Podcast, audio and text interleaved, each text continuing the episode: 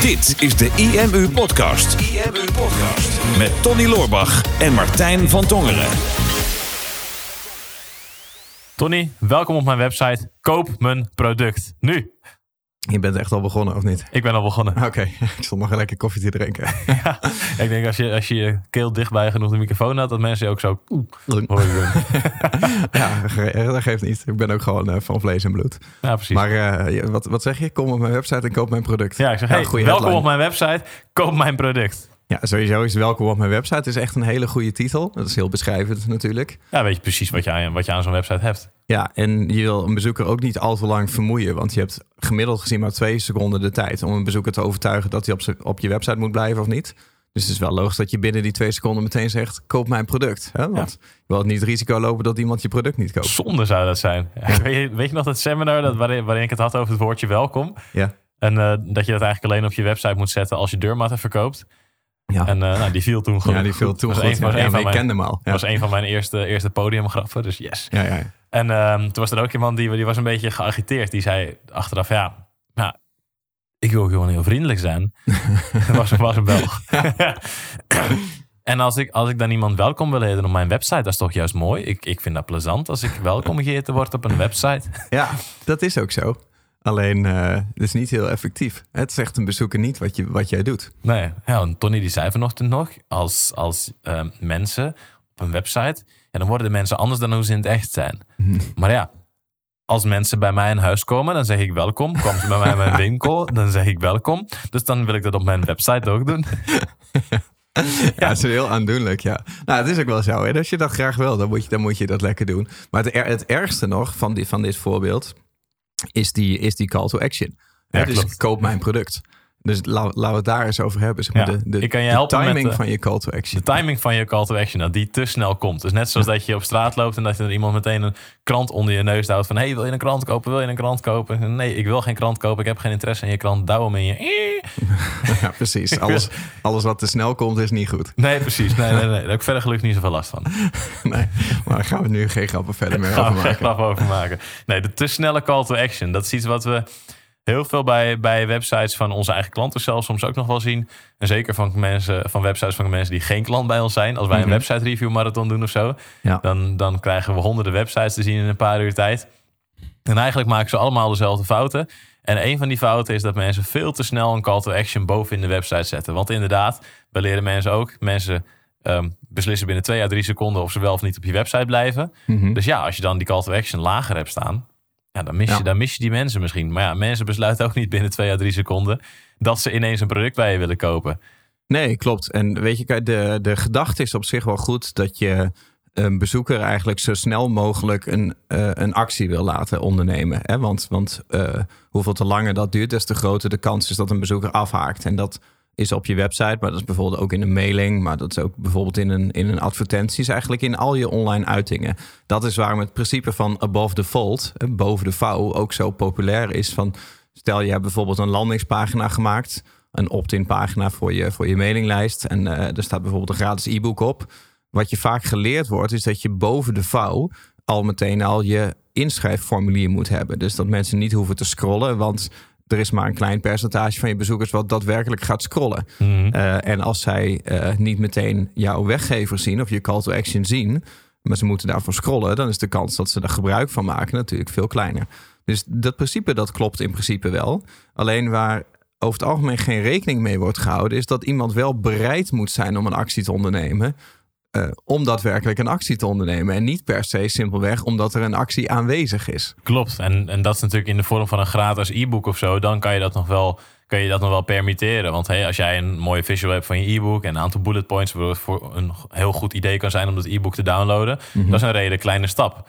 Maar soms zie ik ook wel eens dat mensen gewoon al bovenaan de salespage hun product van 500 euro hebben staan met een koopknop. Stop dit in je winkelmandje. Dit jaar nog iemand uit onze e-mail Gold Mastermind. Die had een eh, website laten maken door een, een webdesignbureau. Die claimde ook heel goed te zijn in online marketing. En bovenaan, naast de titel van, ehm, van het product, want het was natuurlijk geen verleidelijke headline, maar gewoon de titel van het product, stond dan heel groot de prijs en een bestelknop. Maar ik denk, ja, maar niet, mensen zijn echt net op deze, op deze website gekomen. Het, was niet, het ging niet om een paar tientjes, maar het ging om, om 500 euro volgens mij, of 1000 euro. Dus dat is best wel een een duur product om meteen te gaan kopen als je op een pagina komt. Ja, klopt. Nou, het ligt een beetje aan waar de bezoeker vandaan komt. Uh, dus, dus wat de customer journey is. Kijk, als uh, er nou bijvoorbeeld iemand een hele specifieke zoekopdracht heeft, heeft geplaatst. Dus bijvoorbeeld, uh, nou, ik heb hier een koffiekopje. Stel dat ik letterlijk zou zoeken op koffiekopje kopen. Um, en ik kom vervolgens op een webshop die koffiekopjes verkoopt. Hè, dan dan uh, voldoet dat aanbod één op één aan mijn behoeften. Dan zou het voor mij logisch zijn als ik op de homepage zeg maar de meest populaire koffiekopjes zie. Dat daar meteen een voeg toe aan winkelmandje knop bij staat. Dus in principe is dat logisch. Maar dan nog is het goed dat er ook een optie is om gewoon naar de productpagina te gaan van dat item. omdat ik waarschijnlijk nog niet ver genoeg ben om dat product meteen te kopen. Omdat ik daar eerst nog informatie over wil zien. Het is op zich helemaal niet raar om meteen een call to action te plaatsen. Alleen hou er rekening mee dat die call to action aan moet sluiten op waar iemand zit in een proces.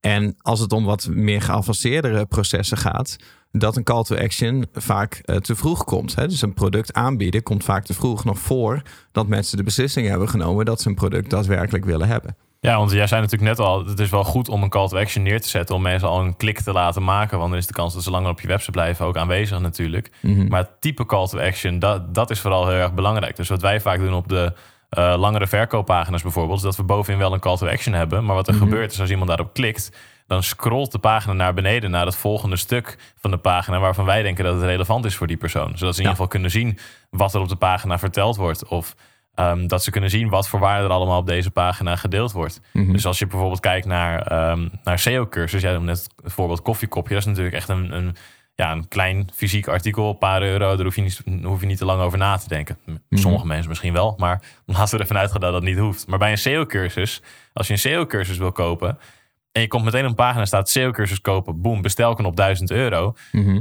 Dat is, dat is wel dan weer te snel. Dan zal je eerst meegenomen moeten worden in het verhaal. Ehm, je moet weten van oké, is die SEO-cursus van de IMU, is dat wel waar ik naar op zoek ben? Worden daar de onderdelen in belicht die ik graag wil leren? Zijn zij wel autoriteit? Want waarom zou ik het bij de IMU kopen en niet bij Noem een andere partij die minder goed dan ons is in SEO. Mhm. Nou, dan kunnen we wel een hele lange lijst maken.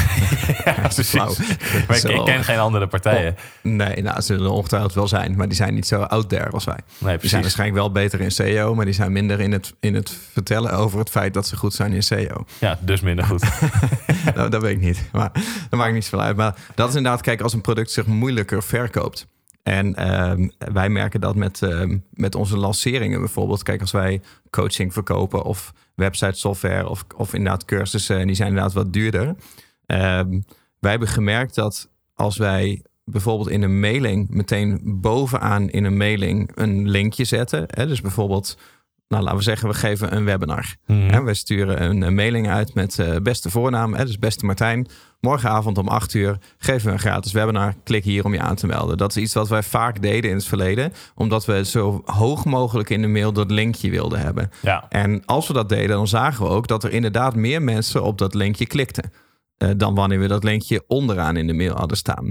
Alleen het verschil zat hem erin dat, dat als we een langere mail schreven met uh, zeg maar een stukje storytelling over de kern van dat webinar en waar dat webinar over zou gaan, dan creëerden we in de mailing zeg maar een behoefte voor mensen om daadwerkelijk dat webinar te willen volgen. En er mhm. stond onderaan in de mailing het linkje met klik hier om je aan te melden. Dan kregen we daar weliswaar minder kliks op, maar de mensen die klikten, die melden zich wel veel en veel meer aan voor het webinar dan in de variant waar dat linkje boven had gestaan. Dus zeg maar de intentie waarmee mensen klikken is minstens net zo belangrijk als de positie waarop dat linkje staat.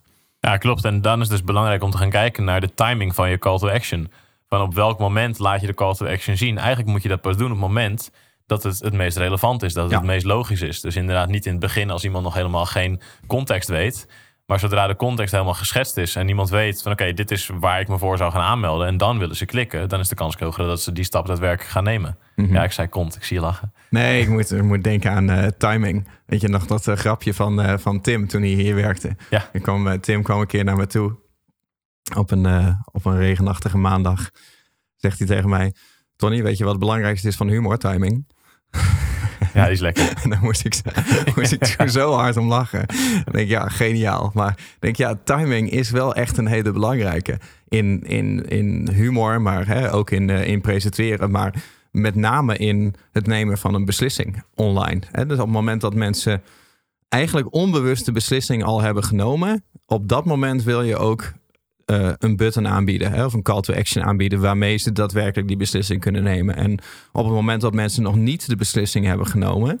Dan komt zo'n, dan komt zo'n call to action vaak te vroeg. Hè? Dus, dus als wij een, eh, een, ja, een sales space online zetten voor een product. En meteen bovenaan staat al een, al een knop naar uh, de afrekenpagina uh, dan wordt die knop vaak gebruikt puur en alleen om te kijken wat iets kost. Ja. Uh, en uh, daarmee hebben mensen de prijs al in hun hoofd en gaan ze soms terug naar de verkooppagina.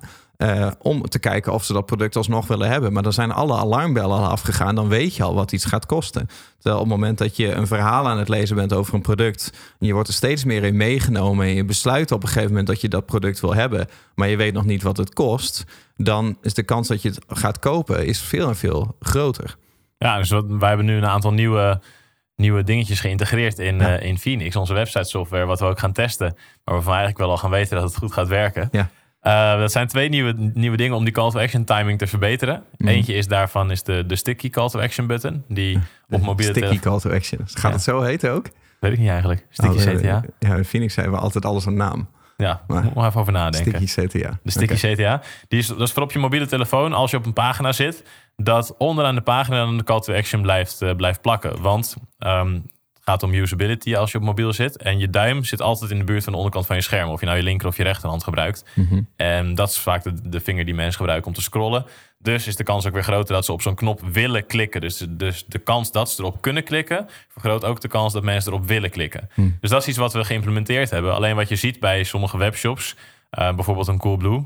Bij Coolblue is die knop is meteen, zodra je de pagina opent, is die knop ook meteen onderaan sticky gemaakt. Mm -hmm. Op zich logisch, want je zit in een webshop omgeving en je wil iets kopen. Dus die kans moet zo groot mogelijk zijn. Ja. Nou, weet ik ook dat uh, een van de concurrerende partijen uh, waar wij met Phoenix tegen, tegen opboksen, die een soortgelijke functie hebben, maar ook bij hen is die altijd sticky. Mhm. Dus dan heb je het hele principe van een sales page. Van, hè, je begint met uh, mensen verleiden, je begint met een stukje introductie en uiteindelijk um, laat je mensen zien of het wel of niet een logische keuze is om interesse te hebben in het product. Dus wat jij al zei, dat ze onbewust het willen gaan kopen. Maar nu met die functie bij een aantal andere partijen is het meteen die button al in zicht als ze de headline lezen. Dus dan weten ze meteen, oh, daar gaat iets aan me verkocht worden. Mhm. Ze willen iets van me.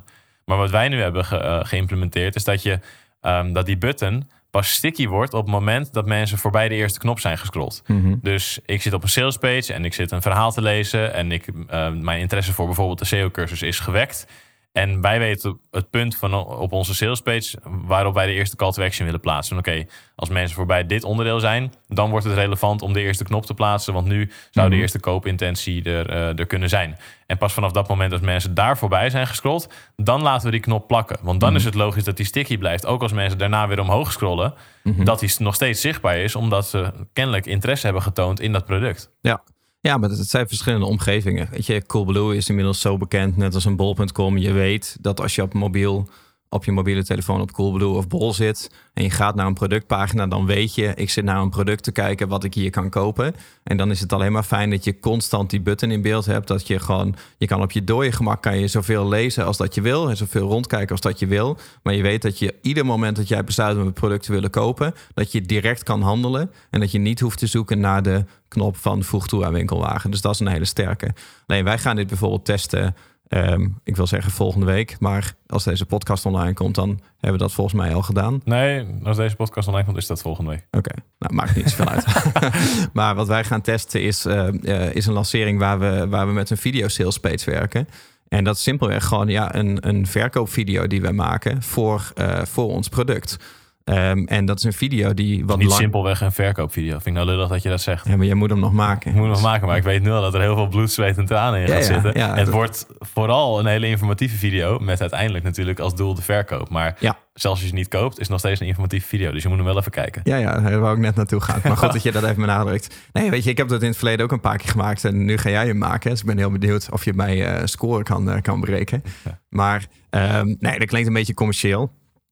Want dat is het ook. Ja, maar uh, nee, maar wat het, wat het is, is we willen eigenlijk een, een video maken. Net als wanneer we bijvoorbeeld een webinar zouden geven. Hè? Dus, dus waarin jij dan een aantal tips gaat geven over. Nou, dit zijn eigenlijk de, de grootste SEO-trends van dit moment. Eh, die je kan gebruiken om beter te scoren in Google. Plus een aantal voorbeelden hoe wij en hoe onze Phoenix-gebruikers dat succesvol toepassen. Dus dat is inderdaad waardevolle info. Hetzelfde doen we met conversieoptimalisatie. En vervolgens geven we aan het einde van de video de optie om dan onze software uh, aan te schaffen. en dat is dan een, een, een actie. Nou, is die, die, die video die is in principe tijdloos. Maar we willen eigenlijk dat mensen die hele video kijken. Omdat ze daardoor eerst een beeld krijgen van wat er allemaal mogelijk is. Dus we creëren als het ware een behoefte. We creëren een soort van gat in de markt. Met deze 10 tips zou je eigenlijk moeten toepassen. En vervolgens geven mensen de optie om die 10 tips daadwerkelijk toe te passen. Met onze hulp, met onze software. Alleen op het moment dat wij meteen zeggen van dit is onze software, koop het dan zullen heel weinig mensen dat doen. Maar op het moment dat mensen dat verhaal eerst hebben gehoord, dan is die behoefte gecreëerd. En de kans dat ze het dan kopen is veel groter. Maar dan willen we eigenlijk de call to action, dus de knop naar de betaalpagina, die willen we niet meteen vooraan onder de video hebben staan. Want dan kunnen mensen er al op klikken voordat ze jouw video hebben afgespeeld. En dan werkt het niet.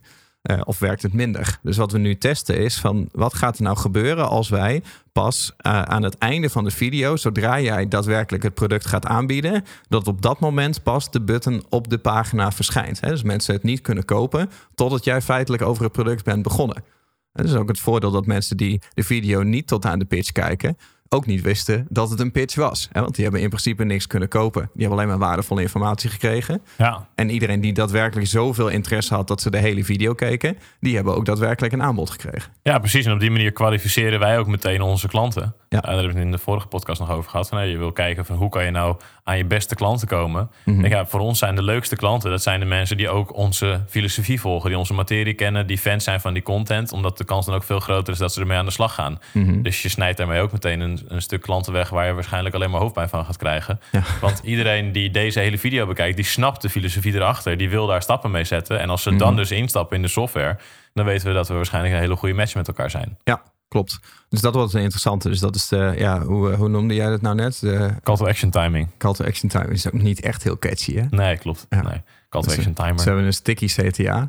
Maar dat is ook niet echt, want we hadden voorheen ook al een sticky menu met een CTA erin. Dus we moeten, we moeten wel betere namen verzinnen voor onze techniek. Ja, als ik één ding heb geleerd de afgelopen jaren, is dat ik niet goed bij de namen bedenken. Nee, ik ook niet. Nee, maar goed. Nee, maar dat zijn dus al twee, twee nieuwe uh, functies die we hebben. Dus uh, sticky CTA houdt meer in ofwel je kiest ervoor van hey, dit is een productpagina. Ik wil mijn button altijd op mobiel vast aan de onderkant hebben zitten. Of op een grote scherm zetten wij hem vaak vast aan de bovenkant. Zodat je ieder moment dat je zelf besluit om te kopen, dat je dat kan doen.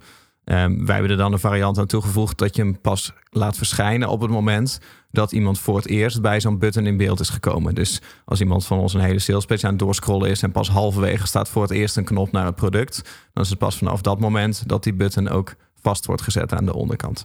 Dus dat is een belangrijke. En de andere is de... Ja, de automatische verschijnbutton hebben we ook genoemd. Automatische verschijnbutton. Ja, maar dat, is, helemaal een kutnaam. Automatische verschijnunit heet dat. ja. Of de automatische verschijnunit. Ja, dus we stellen in, we uploaden een video. En die video die zal waarschijnlijk een kwartiertje of zo duren. Uh, waarschijnlijk rond de 10 minuten, dan begin jij uh, over het product. Dus wij mhm. stellen in dat die button dan na 10 minuten pas tevoorschijn komt. En de teller die gaat lopen zodra iemand op de play-knop van de video klikt. Ja, precies. En dat is ook weer een mooie hack. Want er zijn een aantal andere tools die, die dit trucje ook wel gebruiken. Maar dat werkt niet op klik van de video. Dat is gewoon op hoe lang je op de pagina zit. Ja. Toevallig zat ik gisteren op zo'n soort pagina. Toevallig, want ik zit even inspiratie op te doen hier en daar bij wat eh, Amerikaanse marketeers. Maar ik had die pagina bezocht. En er, toen stond er geen button. En toen ging ik even wat anders doen.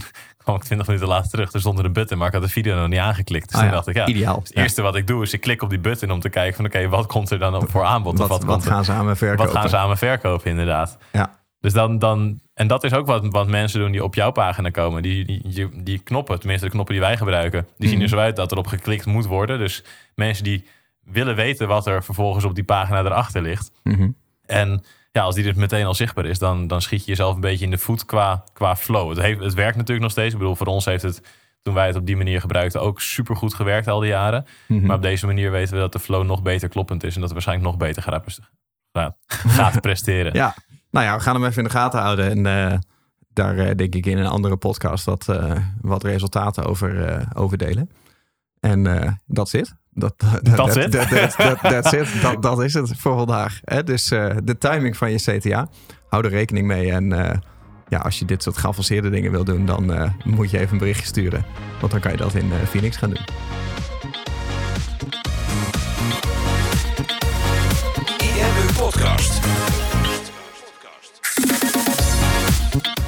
Super tof dat je hebt geluisterd naar de IMU podcast. Ik hoop dat je dit waardevol vond en dat je er inzichten uit hebt kunnen halen voor jezelf en voor je eigen business. Vond je dit nou een waardevolle podcast, dan zouden Tony en ik het heel erg waarderen als je dat zou willen delen. Enerzijds door dat bijvoorbeeld te delen via je eigen Instagram of via LinkedIn. Door een screenshot te maken van je telefoonscherm en ons er even in te taggen. Maar wat we nog meer zouden waarderen is als je de tijd en moeite zou willen nemen om een review achter te laten. Werk je met een Apple-telefoon, dan kan je dat doen binnen je eigen podcast-app door daar een review te geven. Geef ons een x aantal sterren met daarbij een korte motivatie wat je van onze podcast vindt. Zouden we echt enorm waarderen als je die tijd zou willen nemen. En werk je met een Android-telefoon, dan zie je dat, daar, uh, dat de meeste apps geen review-mogelijkheid hebben. Wat we dan heel erg zouden waarderen is als je op Google IMU zou willen intypen en vervolgens via de Google Review-sectie iets zou willen vertellen over de IMU, wat je van ons vindt en wat je aan onze podcast hebt gehad. Alvast heel erg bedankt en ik hoop natuurlijk dat we je volgende week weer mogen verblijden met een volgende aflevering van de IMU-podcast.